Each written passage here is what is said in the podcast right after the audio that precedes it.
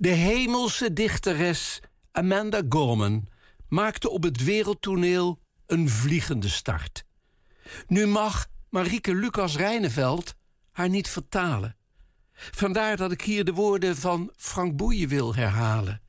Denk niet wit, denk niet zwart, denk niet zwart-wit, maar denk in de kleur van je hart. Oh ja, dat is dat lied van Frank Boeien. Ja, denk in de kleur van je hart. Ja, wel mooi. Ik vind het uh, heftig.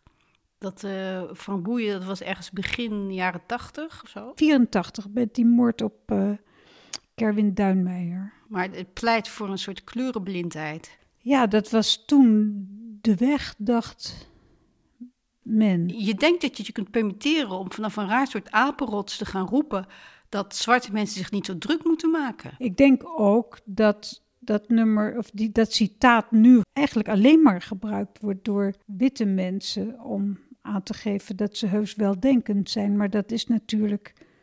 Nee, maar zo wordt het niet gebruikt. Het wordt gebruikt om tegen zwarte mensen te zeggen: je moet niet zo zeuren.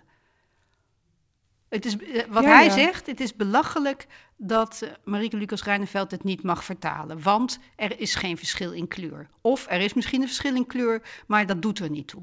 Ja, daar heb je gelijk. Dus het is van een bevoogding die echt... Uh... Het is ouderwets. Het is weer terug met een krulletje terug bij bij af. Nee, maar ik vind ouderwets um, alsof het een onschadelijke omaatje of opaatje is dat zit te breien bij de kachel. Dit is iemand die gewoon zendtijd in beslag neemt en de wijsheid in pacht meent te hebben. Dat ben ik met je eens.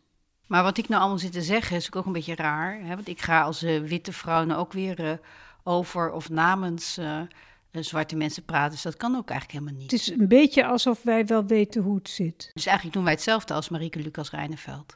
Nou, niet als Marieke Lucas Rijneveld. Die heeft gewoon ja gezegd tegen een hele interessante opdracht. Omdat zij dacht dat zij zich wel kon verplaatsen in Gorman. En dat denken wij ook, dat we dat wel begrijpen. Dat is eigenlijk ook heel ongepast. Dan is dit hele gesprek ongepast. Ja, misschien is dat wel ongepast.